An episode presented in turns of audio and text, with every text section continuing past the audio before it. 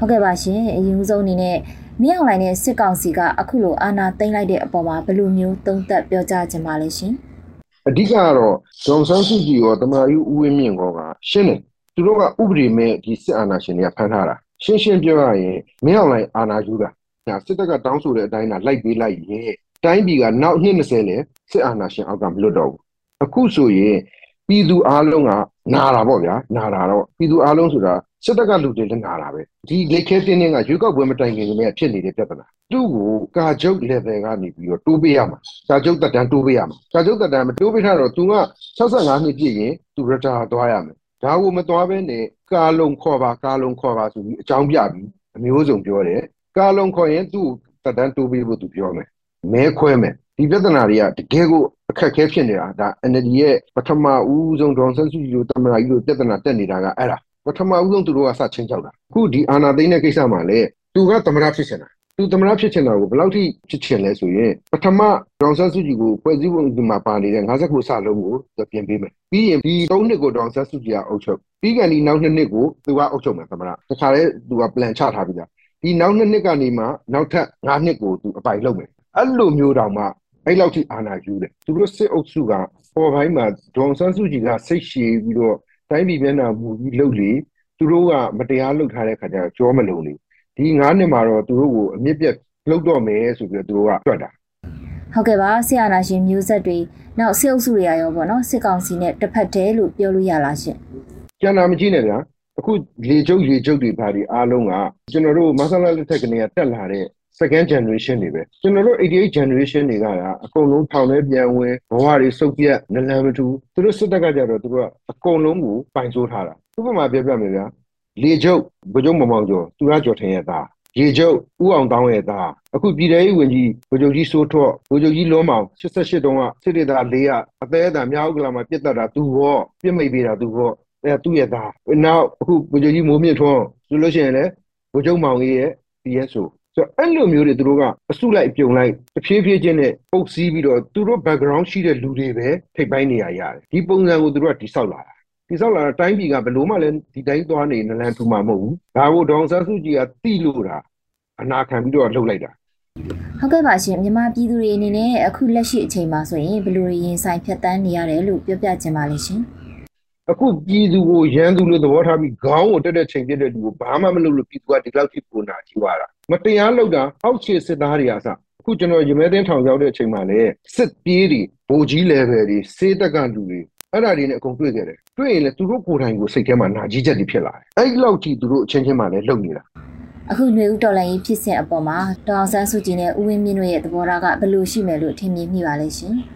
ကျွန်တော်တို့ ကြားသိခဲ့ရသမျှတွေအားလုံးကဒေါန်ဆန်းစုကြည်ကဦးဝင်းမြင့်ခေါ်ကကျွန်တော်တို့ပြည်သူကိုဘယ်တော့မှစန့်ကျင်ပြီးတော့လုပ်မှာမဟုတ်ဘူးဆိုအဲ့အတွက်ကျွန်တော်တို့ကစိတ်ရှင်းရှင်းနဲ့ကိုလုပ်ရမယ်အခု NUG တို့ PDF တို့ CRPH တို့ဆိုတာလေခစ်စနစ်ရဲ့တောင်းဆိုလို့ပြည်သူရဲ့လိုအပ်ချက်ရပေါ်ပေါက်လာတဲ့အဖွဲ့အစည်းတွေအဲ့တော့ဒီအဖွဲ့အစည်းတွေပေါ်မှာလည်းဒေါန်ဆန်းစုကြည်ရောသမရာယူဦးဝင်းမြင့်ကောကောင်းမွန်စွာသူတို့ကဒီပြဿနာတွေအားလုံးကိုဖြေရှင်းနိုင်တယ်လုံနေတဲ့ပြဿနာတွေအားလုံးကိုလည်းဘယ်တော့မှဒေါန်ဆန်းစုကြည်ကပြစ်ပြစ်ခါခါလုံလိမ့်မယ်မဟုတ်ဘူးဆိုတာကိုကျွန်တော်ကယုံကြည်တယ်အဲ့တော့2015မှာ NLD ကအနိုင်ရလာပြီးတဲ့အချိန်မှာဒေါန်ဆန်းစုကြည်ပြောခဲ့တဲ့စကားလေးရှိတယ်လူတွေသိချမနာထောင်လို့ဘလို့ပုံစံနဲ့တိုင်းပြည်ကိုအုပ်ချုပ်မှာလဲမေတ္တာနဲ့ရှင်တဲ့နိုင်ငံရေးအုပ်ချုပ်မယ်တဲ့နော်တရင်ကရှင်းလင်းကပြောလိုက်တယ်ဆိုတော့တကယ်လဲသူကဖြုတ်ထုတ်တတ်မလို့ဘူးတိုင်းပြည်မျက်နှာကိုမူပြီးတော့နော်စူးတစ်ခုကိုနှုတ်တဲ့အခါမှာကိုယ့်ဘက်ကတော့ပေးဆက်ရတယ်ပြောများတယ်ဒါပေမဲ့ဒီလမ်းကြောင်းကိုကစစ်တပ်ကခိုင်ခိုင်မာမာလေးတာဩဒါအမှန်တရားပါပဲလားဆိုပြီးတော့လိုက်လာခဲ့ကျွန်တော်ဒီပြဿနာတွေမရှိဘူးတစ်ချက်နောက်ဒေါ်ဆန်းစုကြည်ရဲ့ဒီ9နှစ်တာကာလပတ်လုံးမှာရွေးကောက်ပွဲမတိုင်ခင်လေးမှာအင်တာဗျူးတစ်ခုလာသေးတယ်ဒါအစနဲ့အဆုံးပြန်ပြောပြတာနော်အဲ့မှာကျွန်တော်မှတ်ထားတဲ့ဥစ္စာလေးဘာအောင်မြင်ဆုံးလို့ပြောမလဲတဲ့ဆိုတော့ကျွန်တော်ဒေါ်ဆန်းစုကြည်ကကွန်ပြောလိုက်တဲ့စကားသိကောင်းတယ် fearless ကြောက်တရားကင်းလွတ်သွားအဲ့ရဲ့အကျိုးဆက်ကအခုဒီနေ့လူငယ်တွေဟာသူတို့ရဲ့အနာဂတ်ကိုသူတို့ကောင်းကောင်းသိသွားတယ်သူတို့အနာဂတ်ကိုသူတို့ထုဆက်ရမယ်ဆိုတော့လေသူတို့ကောင်းကောင်းနားလည်သွားတယ်ဘာဖြစ်လို့လဲ အကြောက်တရားကင်းပြီးတော့သူတို့နေလာခဲ့ရတဲ့9နှစ်ရဲ့အရသာကသိတန်ဖို့ရှိတယ်ဥပမာကျွန်တော်တို့ကကျွန်တော်ဆို88ကနေပြီးတော့ဒီရေခင်းထဲမှာတောက်တောက်လျှောက်ပါလာခဲ့တယ်ယူနီဖောင်းဝတ်ရင်ကိုကြောက်နေတယ်ဟုတ်လားအင်ရှင်းမှာညတကောင်စင်းကျွန်တော်တို့ကိုအတိတ်ပဲမဲ့လာပြီးတော့စစ်တယ်စီးတယ်ဘာဝရမ်းမှမပေါ့ဘာဥပဒေမှမပေါ့အခုဆိုရင်ကလေးတွေကဒါကိုကောင်းကောင်းသိသွားတယ်ရဲလာရင်မေးပါဒေါန်ဆန်းစုကြည်ကလည်းပြောတယ်သူအလဲမှာလည်းပြောခဲ့တယ်လူတွေငြိမ်ခံနေပါနဲ့ဘာဖြစ်လို့ကျမအိမ်ကိုတကားဖွင့်ပေးရမလဲမေးပါ အဲ့တော့လူငယ်တွေအားလုံးကသူ့လက်ထက်မှာကြီးလာတဲ့လူငယ်တွေအားလုံးကဒီမိုကရေစီအရသာကိုလည်းသိသွားဟုတ်ကဲ့ပါရှင်ဒီ2015ခုနှစ် NLD အစိုးရ9နှစ်ကနေပြီးတော့အခုလို2021ခုနှစ်ຫນွေဦးတော်လှန်ရေးကာလစီကိုဘလို့အကြောင်းရောက်ရှိလာခဲ့တယ်လို့ပြောနိုင်ပါလဲရှင်အဲ့တော့ဒီຫນွေဦးတော်လှန်ရေးပေါ်လာတဲ့အကြောင်းဆက်က NLD ကြောင့်ဖြစ်လာတာအဓိကသူကလွတ်လပ်ခွင့်ပေးတယ်လူတွေကလွတ်လပ်ခွင့်ကိုသိသွားရင်ကိုတံပိုးကိုနားလည်သွားတယ်ဆိုတော့ ဒီလိုမျိုးကြီးစစ်အာဏာရှင်ကိုသူတို့က based on တိစောက်ထားတာကိုဒေါန်ဆန်းစုကြည်ကလူငယ်တွေနဲ့ public city မှာဘာလုပ်လဲ NLD ကအမတ်တွေလည်းတော်ပါတယ်ပြည့်စုံအောင်တော့မဖြစ်ဘူးပေါ့ဗျာသူတို့မှလည်းထောင်တွက်တွေနဲ့တကယ်ကိုစိတ်သက်ရှိလို့တာဘဝတွေကိုရုန်းကန်ပြီးတော့အခုချိန်ကြီးလုံနေကြရတာဟိုစီးစိမ်ဥစ္စာနဲ့ ပညာရေးချင်းနဲ့ပတ်သက်ရင်တော့သူတို့လိုသူတို့သားသမီးတွေလိုတော့မတက်ကြပါဘူးဟုတ်လား MBA တွေလည်းမတက်နိုင်ဘူး PhD တွေလည်းမတက်နိုင်ကြဘူးဒါပေမဲ့စိတ်သက်ပိုင်းဆိုင်ရာမှာတော့တိုင်းပြည်ကိုချစ်တာတကယ်ကိုတိုင်းပြည်ကိုတိုးတက်စေခြင်းနဲ့စေတနာကတော့သူတို့ထက်တောင်သာသေးတယ်ရိုးသားမှုကလည်းသူတို့ထက်သာတယ်ဒီအခွင့်အရေးလေးတွေကိုကျွန်တော်တို့ရဲ့ငွေဦးတော်လှန်ရေးဆိုတဲ့ GZ တွေကတိသွားတာကလေးတွေကကောင်းကောင်းနားလည်သွားတာအဲ့တော့ငွေဦးတော်လှန်ရေးရဲ့အားက အခုဆိုအချိန်ဟုန်သိကောင်းလာပြီဟုတ်ကဲ့ပါနောက်တစ်ခုအနေနဲ့ပေါ့နော်မြမအရေးပေါ်မှာအမေရိကန်အစိုးရရဲ့ထောက်ခံမှုအနေထားကရောဘယ်လိုမျိုးသုံးသပ်ချင်ပါလဲရှင်ဟိုဝန်တာစရာထပ်ပြောကြားပြီးသားလည်းဖြစ်ကြမှာပါ NDAA ဆိုလို့ရှိရင်အဓိကကဒီပေးလိုက်တဲ့အချက်ကလေးကရှင်းရှင်းလေးစစ်တိုက်တာဒါ message ရှင်းရှင်းလင်းလင်းပေးတာစစ်တိုက်တာလွယ်တာမဟုတ်ဘူးစစ်သားတယောက်စစ်တိုက်ဖို့အတွက်တကယ်မှန်မှန်ကန်ကန်အောင်မြင်တဲ့စစ်ပွဲတစ်ပွဲဖြစ်ဖို့ဆိုရင်စစ်သားတယောက်ကိုပံ့ပိုးရတာအနည်းဆုံး6ယောက်9ယောက်တို့တယ် ဘာဖြစ်လို့လဲသူ့ရဲ့ရိတ်ခါကိုထောက်ပံ့ပေးမဲ့လူသူ့ကျမ်းမာရေးကိုအရေးပေါ်အခြေအနေမှာကယ်ဆယ်ဖို့လူပြီးရင်သူ့ရဲ့လုံခြုံရေးနဲ့ဆက်သွယ်ရေးကိုပြီးတော့ဒီစစ်တိုက်ဖို့ကိုအမေရိကန် NDA ကအားပေးတယ်ဆိုတာကိုတော်ဝါကြီးပေးတာစစ်ပစ္စည်းတွေကိုပေးတာမဟုတ်ဘူးဆိုပေမဲ့ဒီ support ပေးတဲ့ပစ္စည်းတွေကတကယ်ကိုကျွန်တော်တို့ PDF တွေ NUG government လုပ်နေတဲ့ဥစ္စာတွေအတွက်တကယ်ကိုထိထိရောက်ရောက်အောင်မြင်သွားမှာဒါကြောင့်မို့လို့ ကျွန်တော်တို့ငွေဦးတော်လန်ရေးအောင်ကိုအောင်မှာနောက်တစ်ခုထပ်ပြောရင်ဓမ္မနဲ့အာဓမ္မဖြစ်တဲ့အတွက်အောင်ကိုအောင်မှာကျွန်တော်တို့ကဓမ္မအခုလူတွေခံရပါတယ်ပပဆက်ဆက်အထဲမှာမြင်ရတာတကူစိတ်မကောင်းစရာကောင်းတယ်သူတို့စစ်တပ်မှာလည်းပြိုကွဲနေတာပဲရဲတွေမှာလည်းပြိုကွဲနေတာပဲအောက်ခြေဝန်ထမ်းတွေဘောကသူတို့လှည့်ကိုမကြည့်တာဟုတ်ကဲ့ပါຫນွေဦးတော်လန်ရေးအောင်မြင်ဖို့ဘလို့အရာတွေကိုမှတ်ချက်ပေးခြင်းပါလဲရှင်တခုတော့ကျွန်တော်အဲ့ဒါလေးတော့မြတ်တရက်ခံခြင်းပါတယ်ကျွန်တော်တို့ကလောင်းဝေးပေါ့နော်ဖြစ်လာတဲ့အခါကျတော့ လူတွေမှာမတူကွဲပြားမှုတွေရှိတယ်ပြီးတော့ဗမာလူမျိုးရဲ့ stereotype ပေါ့ဗျာတော်တော်များများကပူပေါင်းဆောင်ရွက်မှုမှာနည်းနည်းအားနည်းနေကြတယ်စစ်တပ်ဖက်မှာကတသွေးတတန်တမိတ်ဖြစ်နေတဲ့အခါကျတော့ကျွန်တော်တို့ဒီရက်ဖက်အဖွဲ့အစည်းတွေနဲ့တွားနေတဲ့အချိန်မှာတသွေးတတန်တမိတ်ကရဖို့ကတော်တော်ခက်ပါတယ်ဒါပေမဲ့သဘောထားကြီးကြီးနဲ့ဘုံရန်သူမပြောက်အောင်တယောက်နဲ့တယောက်အခုချိန်မှာလူတိုင်းကတော့တစ်ခုတည်းကိုပဲဥတီပြီးတော့ဖွဲ့စည်းပေါင်းကောင်းဆုံးကလည်းခုတည်းပဲဒီစစ်အာဏာရှင်စနစ်ကိုအရင် ဖြုတ်စစ်အာဏာရှင်ကိုအရင်တိုက်အဲ့လိုစိတ်တစ်ခုတည်းကိုပဲထားပြီးတော့သွားရင်ဒီတက်ပို့ပြီးတော့လည်းလျင်မြန်လာမယ်ချိန်တူလိုတွင်းမှာလည်းကျွန်တော်တို့ကအောင်မြင်မှုကိုရမယ်အဲ့တစ်ခုလေးတော့ကျွန်တော်မြင်ပါတယ်ဘာလို့မတူကွဲပြားမှုတွေတော့ရှိနေမှာပဲလေအမွာညီကိုချင်းတော့မတူလားတော်လိုင်းခီးမှာသူလှုပ်ချင်တဲ့ပုံစံရှိတယ်ကိုလှုပ်ချင်တဲ့ပုံစံရှိတယ်ဒါပေမဲ့ဖြစ်တဲ့နာကိုပဲဦးစားပေးပြီးတော့ဘုံရန်သူမပြောက်အောင်ဦးအကုန်လုံးစီစီလုံးလုံးညီညွတ်ဒီတက်ခုလက်စီလုံးပါတယ်ဟိုဒါပေမဲ့ဒီတက်ပို့ပြီးစီလုံးမှုလည်းလိုတယ် ဒီတက်ပို့ပြီးတော့လေ one command one order ဖြစ်ဖို့လိုတာပေါ့အဲ့ဒါဆိုရင်ကျွန်တော်တို့ကအလွန်အမြန်ကိုတိုးတက်သွားမယ်ဟုတ်ကဲ့ပါရှင်ဒီရှောင်းတာနန်နဲ့ပေါ့နော်စကားပြောပြခဲ့တဲ့ဟာတွေလည်းရှိမှာပေါ့နော်ဒီသူနဲ့ပြောပြခဲ့တဲ့အကြောင်းအရာလေးတွေကိုလည်းပြန်ပြောပြပါအောင်ရှင်ရှောင်းကစူပါရေးပညာရှင်ကြီးကျွန်တော်သူနဲ့နေရတော့လေတွေ့ကြုံအများကြီးရတယ်အဲ့တော့သူပြောတယ်ဗမာပြည်စစ်တပ်မှာတဲ့တကယ်ကိုဟုတ်လားယောက်ျားကောင်းတွေမရှိတော့ဘူးလားတဲ့ စစ်တပ်ဆိုတာတော့လက်ခံနေတဲ့တသွေးတန်သမီးသူလှုပ်ရမယ်ဆိုတာမိပေးရင်လှုပ်ရတယ်ဆိုတာမှန်နေတဲ့ဒါပေမဲ့မှားတာမှန်တာကိုတော့ပြန်ပြောရဲတဲ့အမှန်တရားကိုရက်တည်မဲ့လူတယောက်မှမရှိတော့ဘူးလားတဲ့ဗိုလ်ချုပ်ကြီးတွေထဲမှာမင်းဘယ်လိုမြင်လဲတဲ့သူအဲ့လိုကျွန်တော်မေးတယ်ဟာဒါမင်းမေးတယ်မိကိုသိကောင်းတာပေါ့လို့တယောက်မှမရှိဘူးလို့ဘယ်အချိန်ထိပဲရှိခဲ့လဲဆိုရင်လို့ before 62 တမှုဟောင်းများဆိုပြီးတော့ NLD အတွက်ထက်ထက်ရက်လာတဲ့သူတွေပဲရှိတော့တယ်နောက်ပိုင်းလုံးဝမရှိတော့ဘူးအခုလူငယ်တွေမှာလည်းဘာမှမရှိတော့ဘူးအကျိုးစီးပွားအတွက်ပဲဥတည်တော့တယ်တစ်ချက်ပြီးသွားနောက်နံပါတ်1 သူကစီးပွားရေးပညာရှင်ဆိုတဲ့အခါကျတော့ FedEx နဲ့ပတ်သက်ပြီးတော့ပြောသွားတာအခုလေဒီ3လမှာတော့မသိတာဘူးလေကျွန်တော်ကဒီ FedEx ကိုမသိဘူးလေ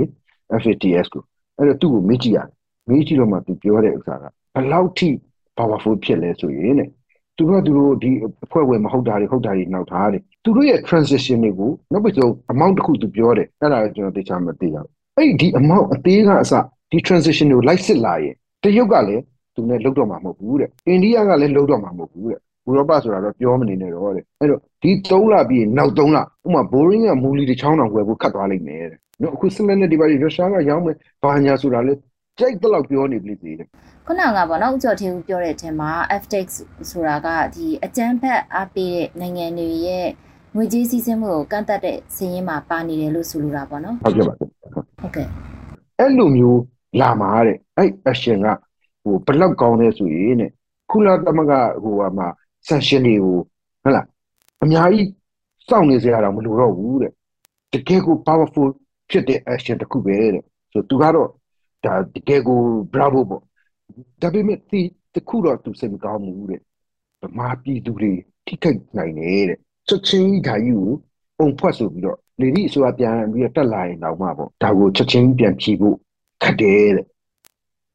ဆိုဒါကြောင့်မို့လို့ဒီ sanction ကိုမလုပ်ချင်လို့ ဒါတာတာတာလာတာပေါ့ဒါကိုနာလပိန်ထုံးနေတဲ့ဦးနောင်ရှိတဲ့ကောင်တွေ bullshit တွေပေါ့ဗျာသူပြောတယ်အဲ့ဒီစကားကျွန်တော်မပြောကြဘူးနော်အဲ့နာလပိန်ထုံးကောင်တွေကတိုင်းပြည်မျက်နှာကိုမကြည့်ဘဲနဲ့လုံနေလို့ဒီချင်းတွေကြီးရောက်သွားတာတဲ့အရင်တော့ကလီလီအစိုးရလက်ထက်မှာတဲ့ဘယ်လောက်ထိသူတို့ဓာကြီးကိုရဖို့အတွက်မဖြစ်အောင်လို့ပေါ့စူးစမ်းခဲ့ကြရတယ်ပေါ့ gray list ဖြစ်သွားတယ်ပေါ့အဲ့ဒါကလည်းဂျပန်ကိုတရုတ်ကုမ္ပဏီ Sam တရုတ်ကုမ္ပဏီတွေဝိုင်းပြီးတော့ကူညီညာကြလို့ဒီအဆင့်ကိုရောက်သွားတယ်ပေါ့အခုအဲ့ဒီအဆင့်ကို ဖြတ်တန်းလာတာကိုချက်စီးပြစ်တာတဲ့အခု gray list ပြီးတော့နောက်တစ်ဆင့်တက်ရင်ကျွန်တော်တို့ကဘာပဲပြောပြောဟို credit တွေကောင်းလာမယ်လူတွေကယုံယုံကြည်ကြည်နဲ့ဆက်ဆံလာမယ်ဆိုရင်ကျွန်တော်တို့တိုင်းပြည်ကတကယ်ကို booming developing ကိုဖြစ်လာမှာဖြစ်မှာတေချာဟုတ်ဒီ9နှစ်ကကျွန်တော်တို့ရဲ့ရွှေရောင်အနာဂတ်ပြန်ဖြစ်မဲ့ကိစ္စတော်တော်ကိုရင်နာစရာကောင်းတယ်ဆိုတော့အဲ့ဒါတွေကို ကျွန်တော်တို့အခုအကြောက်တရားရှိနေတဲ့ပြည်သူတွေကိုတက်မတော်သားတွေကိုပြည်သူတွေဆိုတာတက်မတော်သားတွေကိုလက်နက်ကင်ဖွဲ့စည်းရှိတဲ့လူတွေကိုညွန့်ချုပ် level တွေတက်မှာဆိုလို့ရှိရင်ဒုတိယပုံမှုကြီး level တွေအဆင့်အထိကတကယ်ကိုပြည်သူမျက်နှာမူပြီးတော့သူတို့သားသမီးတွေရဲ့ generation တွေကကြည့်ပြီးတော့ညမွေးတဆုံးလေးမလုပ်ဘဲနဲ့နည်းနည်းလေးရှေ့ကိုတိုးကြည့်လိုက်ပါလို့ကြည့်ပြီးတော့တိုင်းပြည်မျက်နှာအတွက်အကုန်လုံးပူပေါင်းလိုက်ရင်စစ်အာဏာရှင်များများမဟုတ်ဘူးလက်ဆယ်ချောင်းလောက်ပဲ နော်သူတို့ပြောင်းသွားတာနဲ့ဒီတက်ကြီးကိုအကုန်လုံးကျွန်တော် standard army ပြန်လုပ်လို့ရပါတယ်တကယ်ကိုတိုင်းပြည်အတွက် develop ဖြစ်အောင်အကုန်လုံးဝိုင်းပြီးတော့တွန်းကြရအောင်လို့ဒီတစ်ချက်ကလေးကိုတော့ကျွန်တော်မြစ်တာရက်ခံနေပါတယ်ဟိုလူတွေလည်းထပ်မတတ်ပါနဲ့တော့တက်လည်းမတတ်ပါနဲ့တော့ဘယ်သူမှလည်းထပ်မဖမ်းပါနဲ့တော့လေးရက်နေ့မှလွတ်မယ်ဆိုရင်အကုန်လုံးလွတ်လိုက်ပါတော့85နှစ်ပြည့်မှာကွက်ပြီးလွတ်တာမျိုးလည်းမလုပ်စေချင်တော့ပါဘူးဟုတ်လားအဲ့တော့အကုန်လုံးကို MSC ပေးလိုက်ပါထောင်နေခါပလိုက်ပါထောင်နေမှာပြည့်ချက်နေပြီကျွန်တော်တို့ရမဲသိန်းထောင်ဆိုရင်ဘယ်လောက်ဆိုတယ် လူ350လောက်ထားတဲ့နေရာကို1200ကျော်ထားတယ်အဲ့တော့လူတွေကတကယ်ကိုကြက်ပိတ်သိမ့်နေပြီအင်းစိန်ထောင်ဆိုလဲတောင်းနဲ့ချီနေပြီနေပြီးတော့မန်းလေးအိုးတနေ့တနေ့ဝင်တဲ့လူက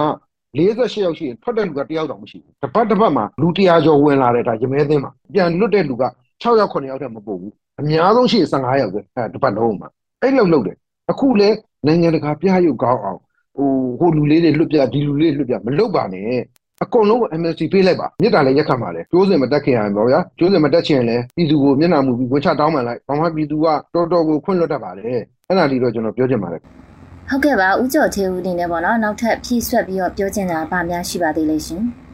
ကျွန်တော်တို့ဒီဘက်လူဦးတော်လှန်ရေးကလူတွေကတသွေးတက်တန်တမိန်လေးနဲ့ညီညီညွတ်ညွတ်နဲ့မကြိုက်တာတွေဘေးဖယ်ထားပြီးတော့ကြိုက်တဲ့ဥစ္စာလေးတွေအတူပူးတွဲပြီးတော့အခုအရင်ဆုံးဘုံရန်သူမပြောက်အောင်လေးလှုပ်လိုက်ရင်တော့ကျွန်တော်တို့တော်လှန်ရေးကရက်ပိုင်းလပိုင်းတွင်းကိုအောင်မြင်သွားမှာပါဟု တ်အဲ့ဒါလေးတော့ကျွန်တော်ပြောချင်ပါတယ်ကျေးဇူးပါ